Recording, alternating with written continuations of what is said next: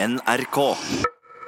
Blockbuster-sommeren er i gang, men til tross for store stjerner på rollelista, havner X-Men Dark Phoenix i superheltfilmenes andredivisjon. Og seriesommeren er også godt i gang, og The Handmaid's Tale fortsetter å være vakker og ubehagelig TV i sin tredje sesong. Og strømmetipset i dag handler om engler, demoner, flammende sverd og en leken og nusselig helveteshund. Eh, Bokfavoritten Good Omens er ute som TV-serie.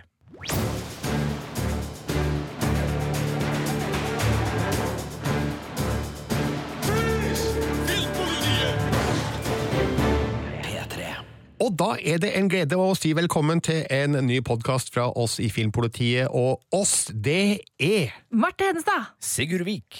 og Birger Vestmo, og um, det er jeg som skal først ut i ilden her, for å si det sånn. Eh, Jeg har vært på kino og sett den nye X-Men-filmen, som da heter Dark Phoenix. Why did you make me do that? Look at me. Focus on my voice. I'm not giving up on you, Jean. She was my friend.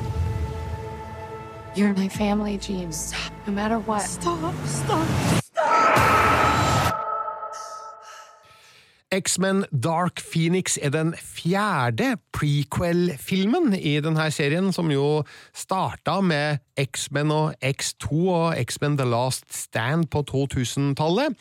I de siste åra har vi fått eh, First Class, Days of Future Past og Apocalypse, og i den forrige, altså Apocalypse, så ble den unge Jean Grey introdusert, spilt av Sophie Turner. Eh, hvem er det, Sigurd og Marte? Sophie Turner det er jo en skuespiller som har blitt eh, verdensberømt for sin rolle i Game of Thrones som Sansa Stark. Er det nok til at dere får ekstremt lyst til å se Dark Phoenix eh, på kino? Altså, Jeg var jo nysgjerrig på hvordan eh, Dark Phoenix skulle være da jeg så henne for første gang i den forrige filmen. eh, Men så da jeg visste at det var Sophie Turner som skulle spille, så ble jeg jo nysgjerrig, da. Sigurd? Ja, eh, jeg tenker jo at hun er jo en av de aller største unge filmstjernene og seriestjernene vi har akkurat nå, så det at hun kunne liksom hoppe fra en Game of Thrones-finale med et eh, visst antall millioner seere og rett inn i en av det som har vært eh, en av de store superheltfranchisene, er jo unektelig spennende.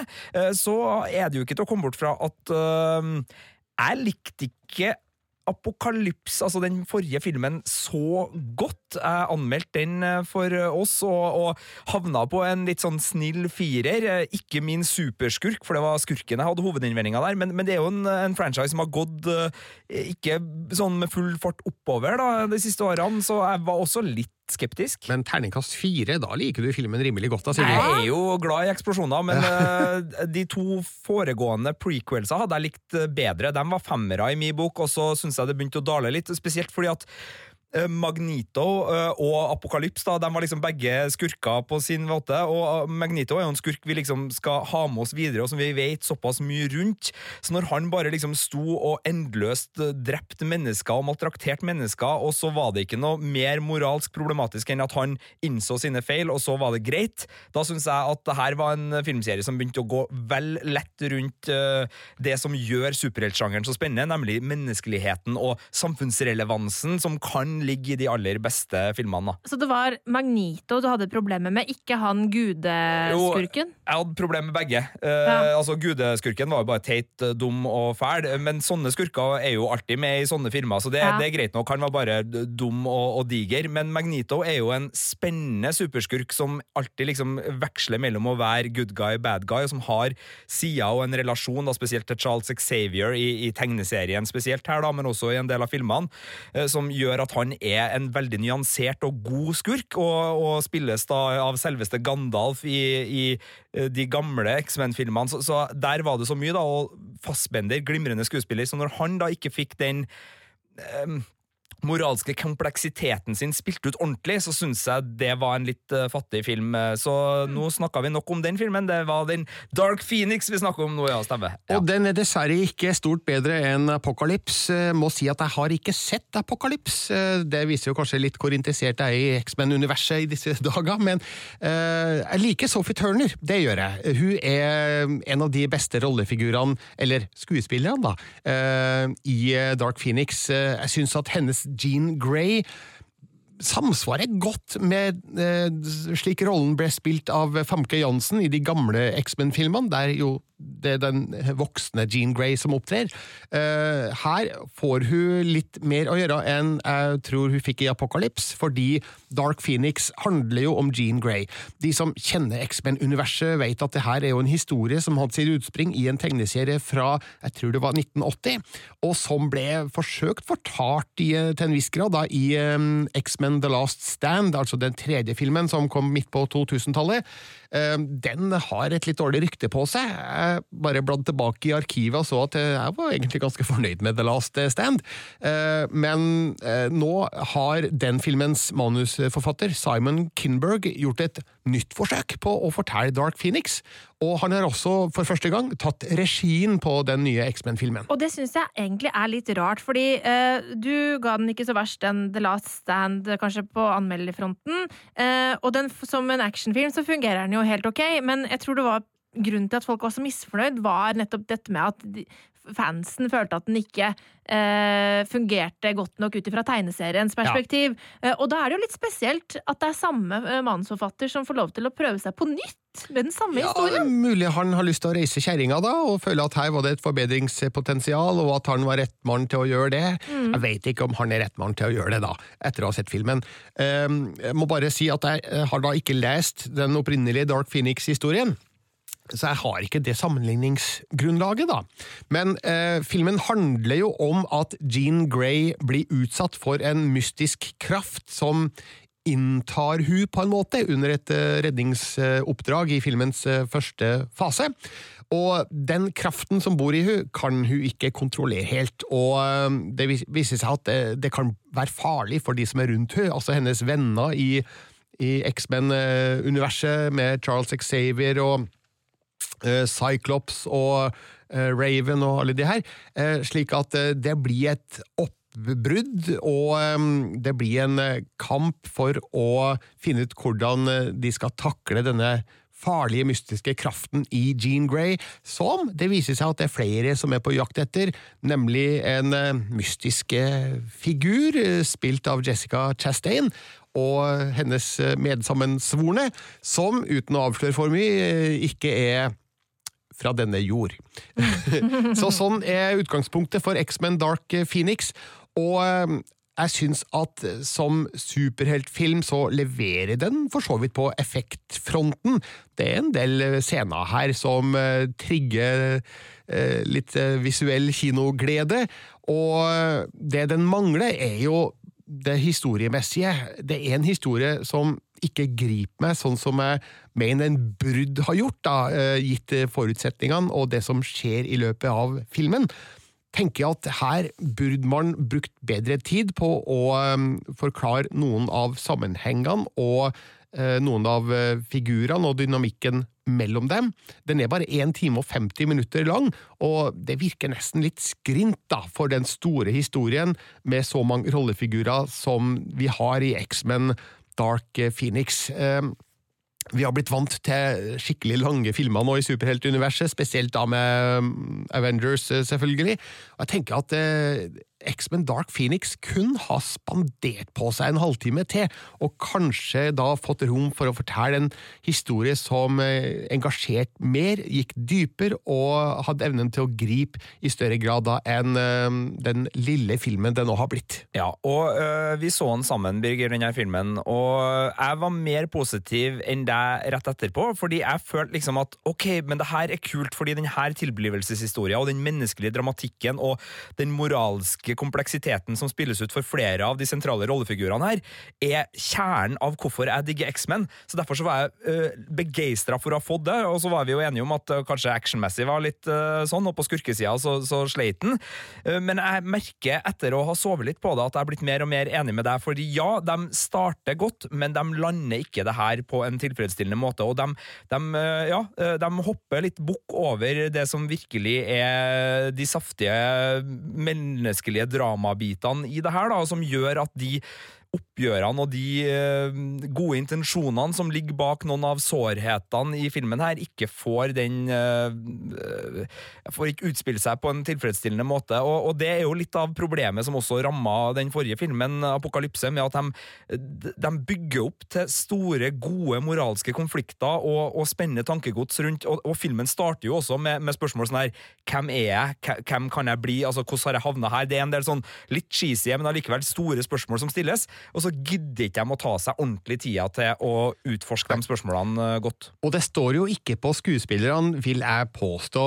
Vi har allerede vært innom Sophie Turner, som jeg syns gjør en god figur som Jean Grey. Hun, hun spiller på en måte som gjør at vi forstår denne sårheten som bor i hun. Altså, hun er, en, hun er et godt menneske som vil alle vel, men hun har denne krafta i seg som gjør at hun er nødt til å skyve sine nærmeste fra seg, og hun blir også på en måte utstøtt, da. Eh, og eh, dessuten så har vi jo James McAvoy som Charles Xavier, eh, vi har Michael Fassbender igjen som eh, Magneto, Jennifer Lawrence som Raven slash Mystique, eh, ikke skjønt helt når hun heter det ene eller det andre, eh, og Nicholas Holt som Hank McCoy, eller Beast, som han heter da når han når den eh, blir pelskledd og blå. Så det er en sterk stall med skuespillere, men de har rett og slett ikke fått nok å spille på eller med til at X-Men Dark Phoenix eh, når toppnivået i superheltsjangeren. Eh, rent visuelt, som jeg var inne på, så er den jo top notch. Lydsporet er jo fantastisk. Det er vel Hans Zimmer som er komponisten her, og Uh, han lager jo perfekt musikk til en sånn type film. Han skaper en sånn dramatisk nerve som uh, nesten suggererer publikum inn i actionscenene. Uh, men det er det som skjer mellom actionscenene jeg ikke er fornøyd med. Den er verken fugl eller fisk, mener jeg, da, fordi den klarer ikke å lykkes som superheltdrama, som den prøver å legge seg opp mot. Den prøver å legge seg i den enden av skalaen, altså de litt sånn alvorlige superheltfilmene. Uh, og når den ikke lykkes med det, så lykkes den heller ikke med å være popkorngod og morsom og artig, fordi den har liksom tonene de kvalitetene. Ja, den pøser på med tidvis meningsløs action, men, men det er ikke noe finurlighet. Et par av uh, de der måtene de håndterer skurker på, som er litt sånn aha, kult! Blant annet ei jernbanevogn som brukes på, på, kreativt vis, men det er langt imellom dem og en fyr med dreads der som driver og slåss, som jeg bare tenker i helvete, da! Få det bort! En morsom idé, da. Jeg skjønner jo at Men pokker da, Birger, det var ikke noe bra utført, var det? Nei, du, det var en sånn liten del av filmen at jeg egentlig ikke brøy meg så veldig mye om det. Men det jeg brøy meg om, var jo filmens skurkegalleri, som jeg var inne på. Jessica Chastain spiller jo da en figur her. og jeg, altså, Hun er en fantastisk god skuespiller, men jeg har aldri sett Jessica Chastain så blank og kjedelig. Så bleik. Så bleik og kjedelig. Hun er helt, hun er blank albino, og bleik og kjedelig, som i denne filmen. Det, det er skikkelig endimensjonal A4-filmskurk som vi så vidt får en bitte liten bakgrunnshistorie på, og som ikke er noe annet enn en veldig tradisjonell sci-fi-skurk, som jeg ikke forventer å få i en så Eh, stor produksjon som eh, X-Men Dark Phoenix egentlig er. Så hva har skjedd her? Det lurer jeg på.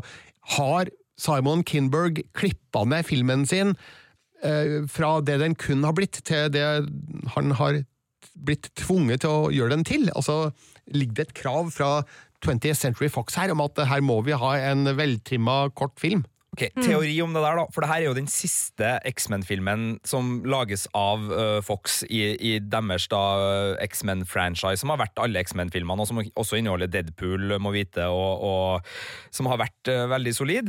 Uh, nå er det her solgt til Disney, og man vet ikke helt hvordan det der blir, men det er ikke umulig da på sikt at det her blir en del av Marvel Cinematic Universe, eller i hvert fall for et annet liv. da. Ja, jo det blir jo, Ja, det blir jo det. Disney eier jo både Marvel og Fox. Og her kommer teorien. Jeg tror de oppdaga at de var ikke i ferd med å få den finalen som de trodde. De har vel en film som heter The New Mutant, som også kommer, som jeg er litt usikker på hvor havner, men den er uansett ikke med X-Men-rollegalleriet i hovedrollene. Altså, det her var liksom siste X-Men-runden ut med det stjernegalleriet. Så det kan godt være at de oppdaga at ok, her har vi en ålreit actionfilm, men ikke en fantastisk avslutning for vår del. Så kanskje de eh, ble litt sånn skadebegrensende på økonomien. Jeg tror den har sånn 200 millioner dollar i budsjett, cirka, den filmen her, så det er jo en eh, blockbuster-gigant i så måte, og skuespillergalleriet i lønninga, bare der har du jo lagt ut mye penger, men det kan godt være at en halvtime ekstra eh, ble for mye da, eh, å gå på når de oppdaga at det spiller ikke så mye rolle, vi får uansett ikke en fantastisk finale her. Kanskje det ligger i kortene, det her er bare spekulering selvfølgelig, men kanskje ligger det i kortene at uh, Disney og Marvel skal reboote X-Men om, la oss si, fem år. Og da kan de ikke ha en film nå som legger føringer som vil gripe inn i en eventuell reboot. Slik at her må de trimme ned filmen, sånn at det er en enkel affære som ikke får konsekvenser for eh, videre planer. Vil vi ha en uh, X-Men reboot? Altså en reboot som i at nå skal vi fortelle denne historien på nytt? Altså vil vi uh, ha en uh, Magnito og eh, Professor X-type skapelseshistorie på nytt? Altså, De reboota jo på en måte X-Men-universet da de gikk tilbake i De tid, da, med, med First Class, med nye skuespillere i de kjente rollene, så jeg vet ikke om det er, det er særlig realistisk, da.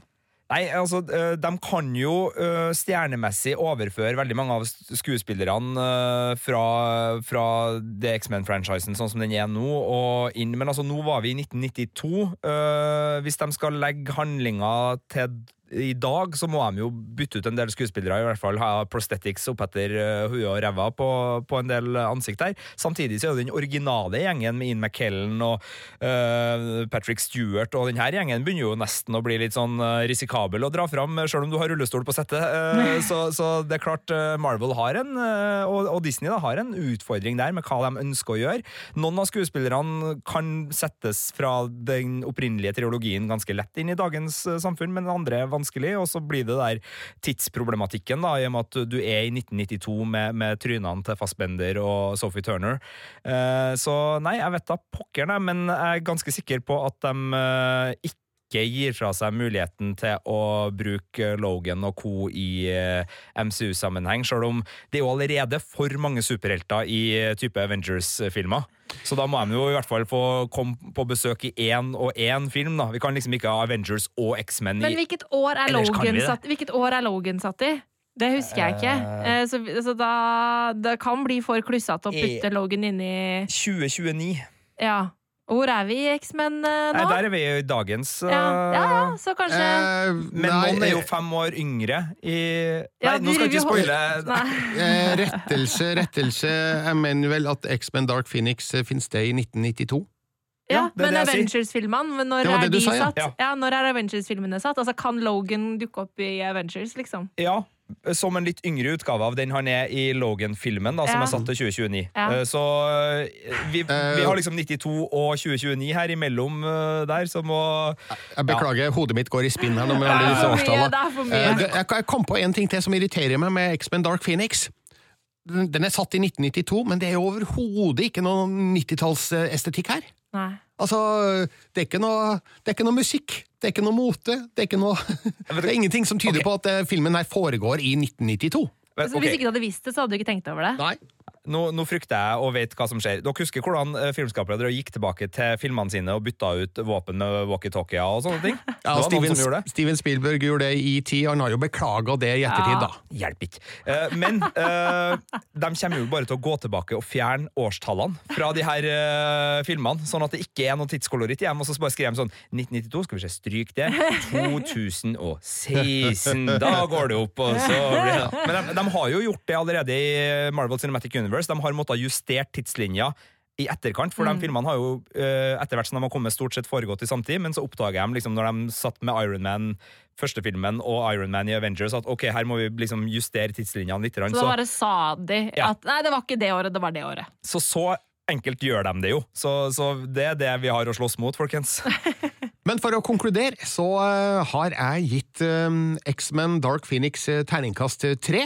Eh, det er ikke en direkte katastrofe, det er ingen som dauer av å se den, og mm, er du ute etter superheltaction, så eh, kan det være en liten tilfredsstillelse sånn akkurat eh, her og nå, men du, du kommer ikke til å huske denne filmen lenge. Akkurat som jeg, jeg husker ikke lenger hva som skjedde i First Class og Days of Future Past. Jeg husker glimtvis, men jeg husker ikke storyline fra noen Ja, av de. det gjør jeg, men jeg er litt glad i X-Men nå, jeg, da. Ja. Ja, og, og du skal se den, Marte, for Ja. du er den Jensen her som ikke har Ja. sett den. Uh, altså, og alle som er glad i X-Men skal se denne filmen, det mener jeg absolutt. Men jeg er enig med Birger på terningkastet. Det her er en middelmådig superheltfilm, og jeg syns Birger, du sa det så fint. Den er ikke i Eliteserien lenger, den har rykka ned til Andre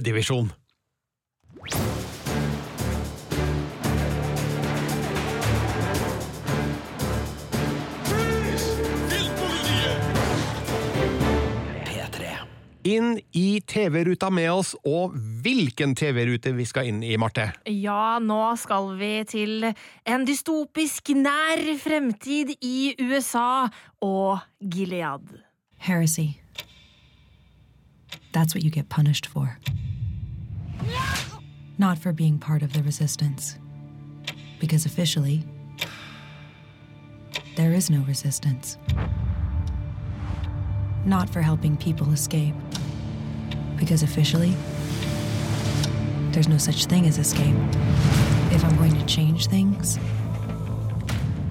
I'm going to need allies. Allies with power. Blessed be the fruit. The Handmaid's Tale sesong tre har nå starta på HBO Nordic, og det her er vel én av seriene som vi har gleda oss mest til i år, Marte? Ja, jeg syns at The Handmaid's Tale er så utrolig fascinerende og spennende. Eh, fordi jeg er veldig glad i dystopi eh, på film og serier. Eh, og når det ligger så tett opp mot vår egen samtid, så blir det litt ekstra spennende. Spesielt når serien på en måte kanskje ikke er så utrolig fjernt fra hva som kunne ha skjedd eh, i virkeligheten. Nei, Jeg husker jo fra da sesong to gikk, at eh, forfatteren bak eh, The Handmaid's Tale, Margaret Atwood, uttalte at alt som skjer i Handmaid's Tale, har skjedd en eller annen gang et eller annet sted i verden. Mm, det er nettopp det. Eh, og historisk eh, ja, his fiksjon. eh, historisk fiksjon, rett og slett. ja, ikke Mm. science fiction, men eh, historical fiction. Ja, og det er en veldig spennende sjanger. Og for de som ikke har sett The selv, da, så kan vi bare ta en kjapp innføring i hva, hva det dreier seg om. Det er jo da en kristenfundamentalistisk eh, regjering eh, som har tatt over USA og skapt da Gilead. Eh, og vi lever da i en fremtid hvor eh, fruktbarheten er ekstremt lav for kvinner. Det er vanskelig å få barn. Eh, Og da er det da disse handmaids som holdes som eh, rett og slett sexslaver for å avle barn for eh, kapteinene og deres koner som ikke klarer å, å få barn. Og kvinner lever da under et ekstremt eh, styre hvor alle har sine faste roller som man ikke kan bryte ut av. Eh, de får ikke lov å lese bøker. Eh, de får ikke lov å gjøre noe som helst. De har ingen, eh, ingenting de skulle ha sagt i samfunnet. Eh, så ja. Ja, er det noe feil med det, Sigurd?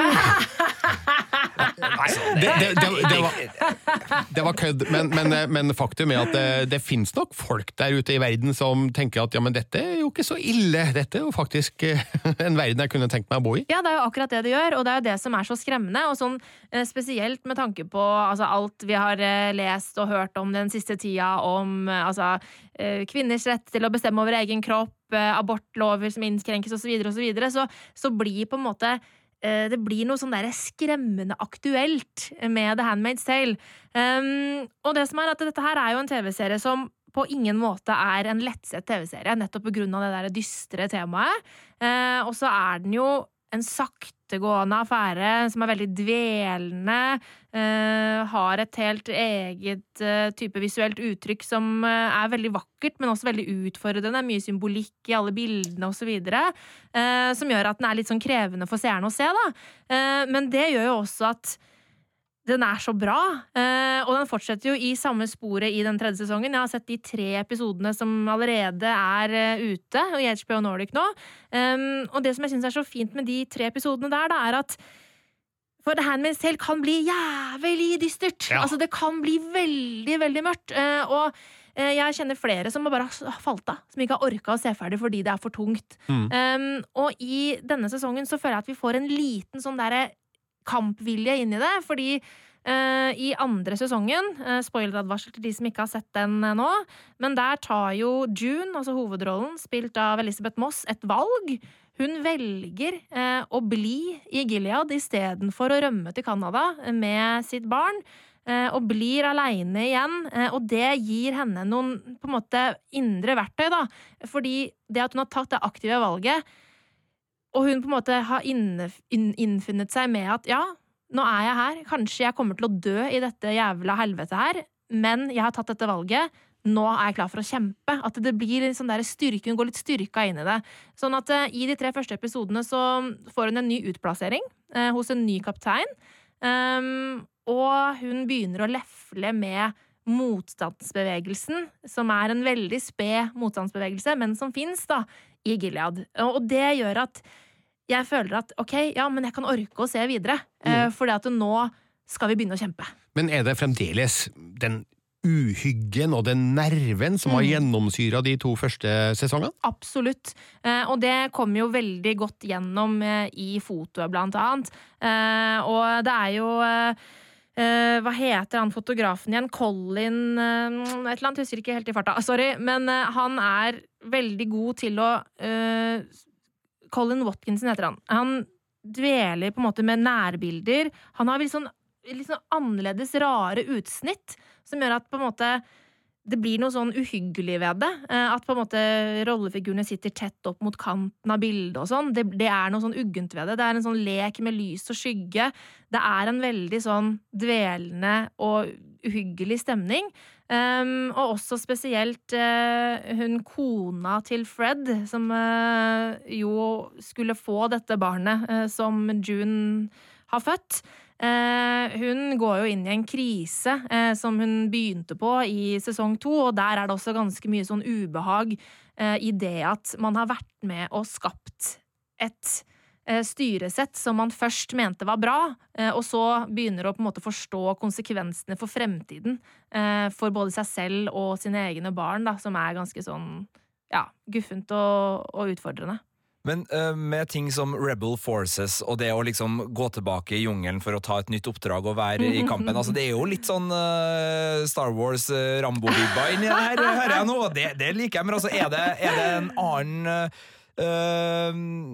altså Du var jo inne på at tone, litt den samme, Ja. men er det en annen tone lell, fordi den nå liksom plukker på strenger som ikke bare er eh, historisk, men også, også veldig sånn filmvennlige ting? da, altså En Mm. opprørsgjeng. altså du, du er jo midt inni ting som har prega underholdningsbransjen i årevis. Eh, Det, det, det høres jo ut som det ligger i hvert fall noe potensial her til litt mer sånn spenningsunderholdning Ja, også. det er akkurat det det, det gjør. Um, og uh, det er jo fortsatt dystert og mørkt, men det er som du sier, en litt annen tone i det at når man skal kjempe tilbake, så skjer det ting eh, knytta til det som gjør at det blir en annen spenningsnerve der, da. Som jeg syns serien trengte nå eh, i den tredje sesongen. Eh, fordi jeg elsker de to første sesongene, men hvis vi hadde fortsatt i den samme tralten, i all den elendigheten eh, og på en måte håpløsheten, så hadde det blitt for mye. Uh, så nå trengte serien det taktskiftet. Og jeg har jo bare sett tre episoder, så jeg håper at det skiftet fortsetter også videre i sesongen. Eh, Det er jo Hulu som eh, lager denne serien i USA, og vi får jo bare takke HBO Nordic for at de lar oss se den her i Norge. Samtidig som jeg skulle jo egentlig ønske at eh, serien gikk et annet sted. Eh, Hvis det er stadig vekk like mørke og Ja. dystre bilder, så er ikke den tekniske kvaliteten god nok, akkurat eh, som problemet var med Game of Thrones nå nå nylig. Eh, så um, Ja, det er et problem. det, er et pro det, Eh, det er et problem. Jeg skulle ønske at jeg hadde muligheten til å se en serie som det her i gnistrende Blu-ray-kvalitet. Eh, men man kan jo ikke vente til den blir sluppet på, på Blu-ray, for eh, det blir, det blir en lang eh, periode å holde seg unna spoilers på. Ja, det er det, men samtidig så er det så mye bra TV nå at du kan faktisk sette et par på, på pause. Men jeg vil bare si én ting, fordi jeg vet at det er en del som liksom reagerer politisk på den serien her, for som du også var inne på nå, den handler om ting som har skjedd, eller som kan skje, og nå lever vi i en tid hvor det skjer ting i USA, da, spesielt hvor den serien her er lagt, som gjør at man liksom tenker sånn, ja, ok, det er ikke så far-fetched, og også her i Norge så har det vært liksom demonstrasjoner med de her kostymene fra serien. Men uh, det er jo også, uh, og, og i liksom en, en eh, sånn, nei, dere burde heller sett til andre land der det er virkelig ille. Den gjør jo det. Den er like kritisk mot Nord-Korea og muslimske land hvor religiøse lover undertrykkes. Jeg tror det er viktig å se på det her som en generell kritikk mot undertrykkelse og totalitære samfunn som ønsker å styre og bestemme at noen skal ha en mer makt og en bedre anseelse enn andre, uavhengig av hvor det er. Det er ikke en USA-kritikk bare. Den trenger i hvert fall ikke å nei, leses en som det. Er Det er en samfunnskritikk. samfunnskritikk. Så jeg tror det er veldig viktig for at denne serien ikke skal bli en del av årsaken til splid, fordi det har en potensial til, og hvis man ser på det her som en ren USA-kritikk, øh, så, så er det lett å liksom bare liksom se seg blind på at det her egentlig er samfunnskritikk generelt. Så jeg tror man må, man må gjerne liksom bare restarte seg sjøl før man øh, setter i gang med Handmaid's Tale, for å se hva den egentlig kritiserer, og ikke bare tro at det er en politisk serie som er laga i 2019 som anti-Trump, for eksempel. For Nei, det, det blir feil, da, Det blir feil. Eh, og serien er jo skrevet Altså boken, den første boken er vel på 80-tallet en gang eh, den kom. Eh, men til deg som hører på, som syns at det her høres spennende ut og ikke har sett serien enda, eh, sjekk den virkelig ut. Eh, men ikke binge den. For da tror jeg du kommer til å gå inn i en mørk depresjon. De tre første episodene er altså ute på HBO Nordic nå, og du har gitt en femmer på terningen. Mm, så jeg håper at resten av sesongen står seg like godt. Det blir én episode i, i uka fremover. Yes, Så tre episoder nå, og så en ukentlig. Og så er det da 13 totalt. Men kan jeg få lov til å binge de tre første episodene? Det går helt fint. Tusen takk!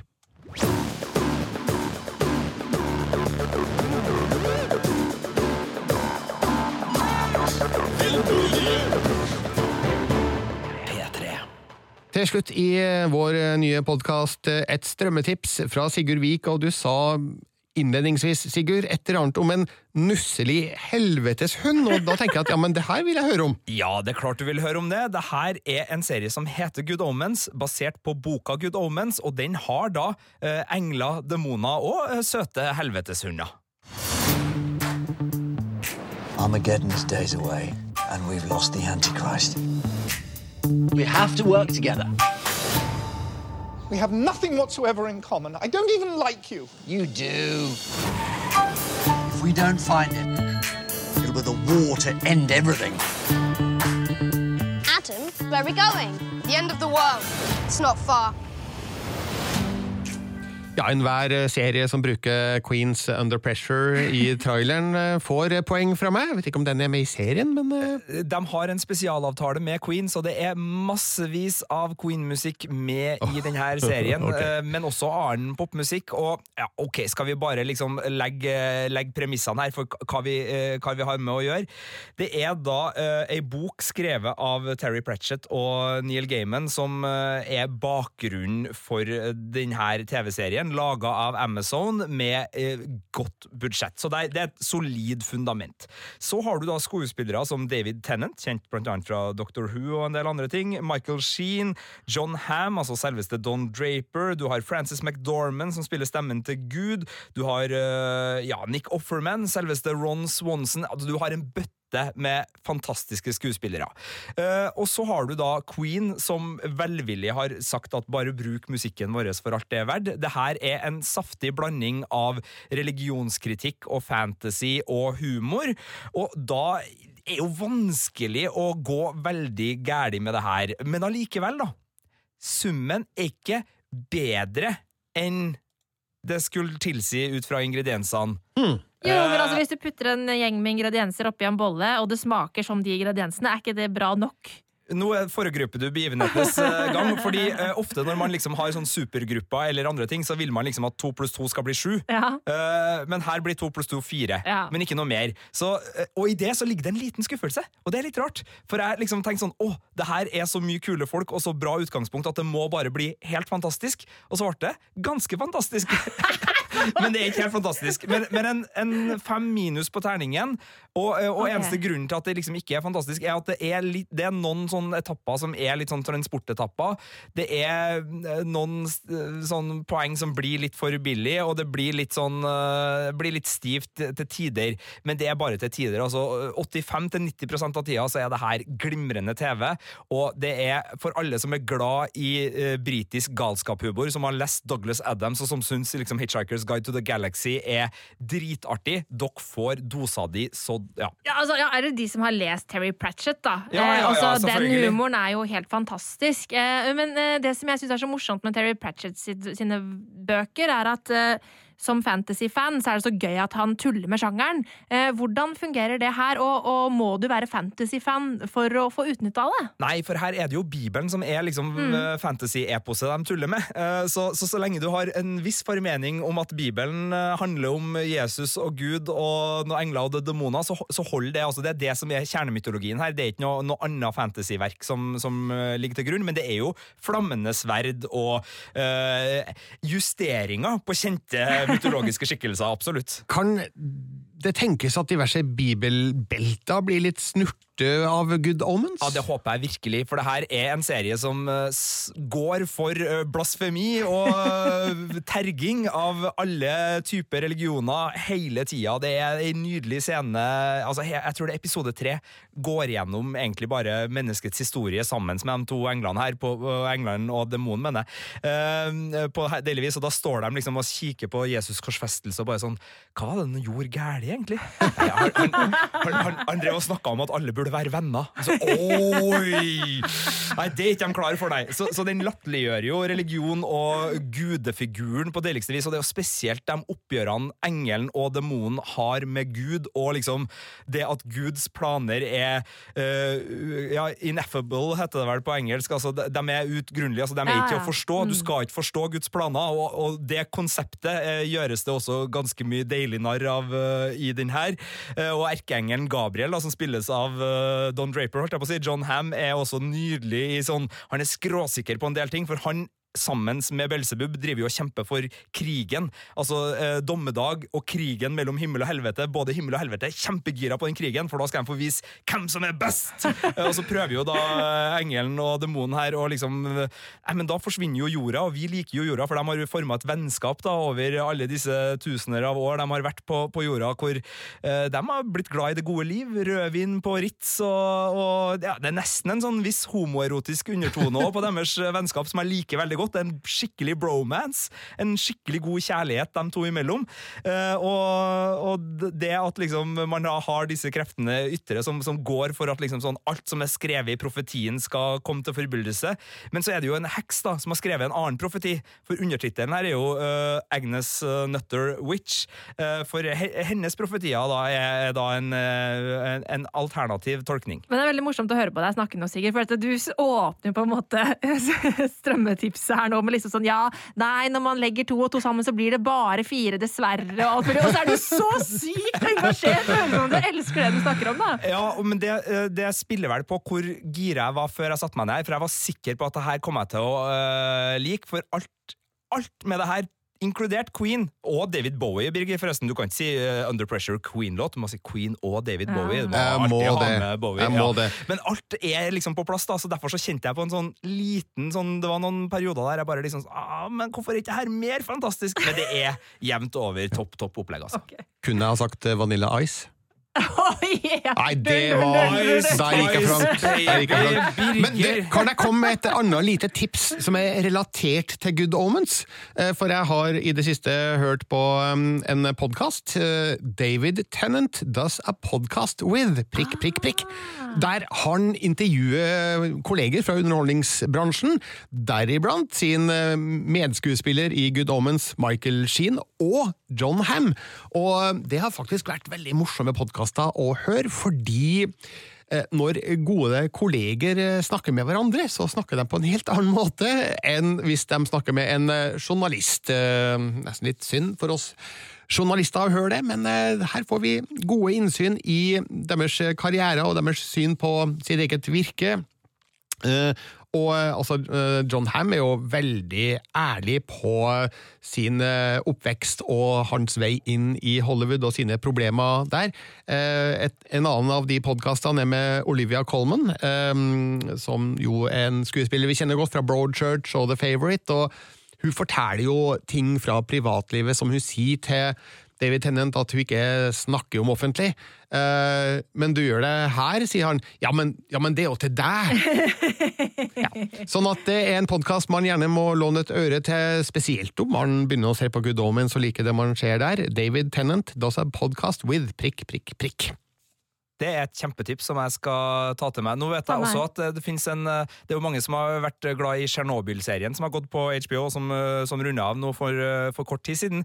Den nå har visst en podkast laga av serieskaperne, som skal være veldig god for å ta oss med inn i uh, den TV-serien, og, og, hvor utrolig det arbeidet bak den TV-serien, for det er jo en veldig grundig historisk serie har vært. Så to TV-serierelaterte podkast-tips på kort tid her nå. Takk Men, for den. Det er bra. Når vi spiller inn det her, så er jeg bare to episoder inn i Tsjernobyl. Jeg henger litt etter der, beklager det, så, men uh, jeg skal høre på den podkasten etterpå, for uh, jeg begynner nå å bli uh, like redd igjen som jeg var i 1986. Gjør du det? ja, nei, altså Burde jeg ha et sånt Hva heter det apparatet de bruker da? Altså sånn som måler røntgenverdiene. Ja, ja, ja. Burde kanskje ha et sånt hjemme, tenker jeg da. Men Kan ikke vi innrede en sånn bombekjeller hos deg ute på gården, Birger? og Lage et sånt tilfluktsrom ned under gressplena der, der vi bunker opp med hermetikk og vann og har det klart? Bli sånn doomsday preppers. fra Jeg har faktisk en ubrukt kjeller under det, det? ene uthuset, så kanskje burde vi Ja, gudene vet hva jeg gjør nedi der! Nei, nei, nei, det skal ikke Mange muligheter, men kanskje det kunne bli uh, et, uh, et bomberom som er sikkert for røntgenstråler fra Tsjernobyl. Men et kjapt spørsmål, fordi Tsjernobyl har jo havna nå på IMDb som den best likte serien deres, og det er skrevet nyhetssaker om at most uh, top-rated show ever, og liksom bedre enn The Wire og bedre enn Sopranos og sånn, går nyhetsartiklene på nå. Hva syns dere om det å bruke IMDb-rating som liksom sannhetsvitne på Eh, kvalitet? Ja, Det er i utgangspunktet en veldig dårlig idé for en helt ny serie som bare så vidt har, har gått seg ferdig. Altså, ratinga på IMDb den nærmer seg en slags sannhet lenge etterpå at en film eller en serie har gått. Så det er for tidlig nå å fastslå at det er den best rata serien. Og nå, nå har ikke jeg sett ferdig Tsjernobyl, da, men Altså, jeg ser jo at den er bra, at den er veldig bra, men uh, at den skal kunne måle seg med The Wire og Sopranos og Six Feet Under, jeg er ikke helt sikker på det enda, da. Og hva som er best rata og best likt, det betyr jo ikke hva som er best. Det er jo noe med det. sier filmkritiker Marte Hedenstad. Det har hun helt uh, rett i. Uh, jeg anmeldte jo hele sesongen av Tsjernobyl for en del uker tilbake med en veldig sterk femmer. Jeg ser den har fått seks mange plasser, men jeg holder litt på femmeren. Uh, fordi den har deler av seg som ikke er så fullkommen som jeg mener at en terningkast seks-serie skal være. da, Men du verden, det er ikke så mye å, å gå etter der heller. Og spesielt episode to og slutten på episode to, det er akkurat sånn en TV-episode skal avsluttes på aller beste vis. Har du kommet dit, Birger? Jeg så ferdig episode to i går kveld. Den slutten der, Den satt. den satt, altså. Den satt, den gjorde Åh. at vi vurderte sterkt å bare begynne på episode tre, men det var litt seint, så den skal sees i kveld. Det er så mye bra serier for tida. Ja, det er helt nydelig. Og neste uke, Big Little Lies sesong to på HBO Nordic. Ja. Eh, skal jeg som da anmelder mest film, også da si at det er en del filmer neste uke, og blant annet eh, Men in Black International. En eh, ny satsing der med Chris Hemsworth og Tessa Thompson i hovedrollene. Og så kommer det en ny film fra studio eh, Jeg skulle til å si Ghibli, da, men Studio Laika! Laika, altså de som laga Coraline og Paranorman. Eh, mysteriet Herr Link. Og så kommer det en biografisk film om en kar som heter Tolkien. Og den, den har vi bestemt at du skal se, Marte. Ja, guri land. Eh, det er jo en film som eh, Altså, eh, Tolkiens estate is not connected with, og de er kjempesinte fordi at de ikke har gitt sin godkjennelse til dette. Men filmskaperne sier jo at vi har eh, laga denne filmen med stor respekt for Tolkien og hans liv og, og verk, så det blir spennende å se hva det blir til. Altså Ringenes herre-forfatter Å, ja, ja. J.R.R. Tolkien. Jeg bare tenker at eh, Men alle, vet det. Ja, men alle vet jo det. Eller gjør de det? Altså, Det er Nicholas Holt som spiller um, Tolkien, og han er jo da nå aktuell denne uka òg, i X-Men Dark Phoenix, så um, det er mye Nicholas Holt eh, nå for de som er glad i han. Eh, ja. Kan Marte uttale alle fornavnene til Tolkien? John Ronald Rule Tolkien. Oh, det er Eh, fint. John Ronald Rule, eller Rule, Rule Det er litt vanskelig å uttale. Det er et bra navn, i hvert fall. Ja. Tolkien. Han gikk som Ronald, tror jeg det var han eh, som eh, han ble kalt av familien og sånn. Noen som kalte den for uh, Tolky? Ikke som jeg vet! Kanskje ikke henne. Hi, Tolky. Fancy a beer? Ja. Vet ikke. Vi får se hva som skjer til uka når du ser Tolkien. Eh, vi er tilbake med en ny podkast om en uke, og så kan du høre oss selvfølgelig hver søndag på P3 klokka tolv. Vi som har vært her som vanlig i dag, er Sigurd Vik. Marte Hedenstad? og Birger Vestmo. Gi oss gjerne en rating og en kommentar der du har eh, funnet denne podkasten. Følg oss på Instagram og Twitter. Mail oss gjerne på filmpolitiet at nrk.no. Og det var alt. you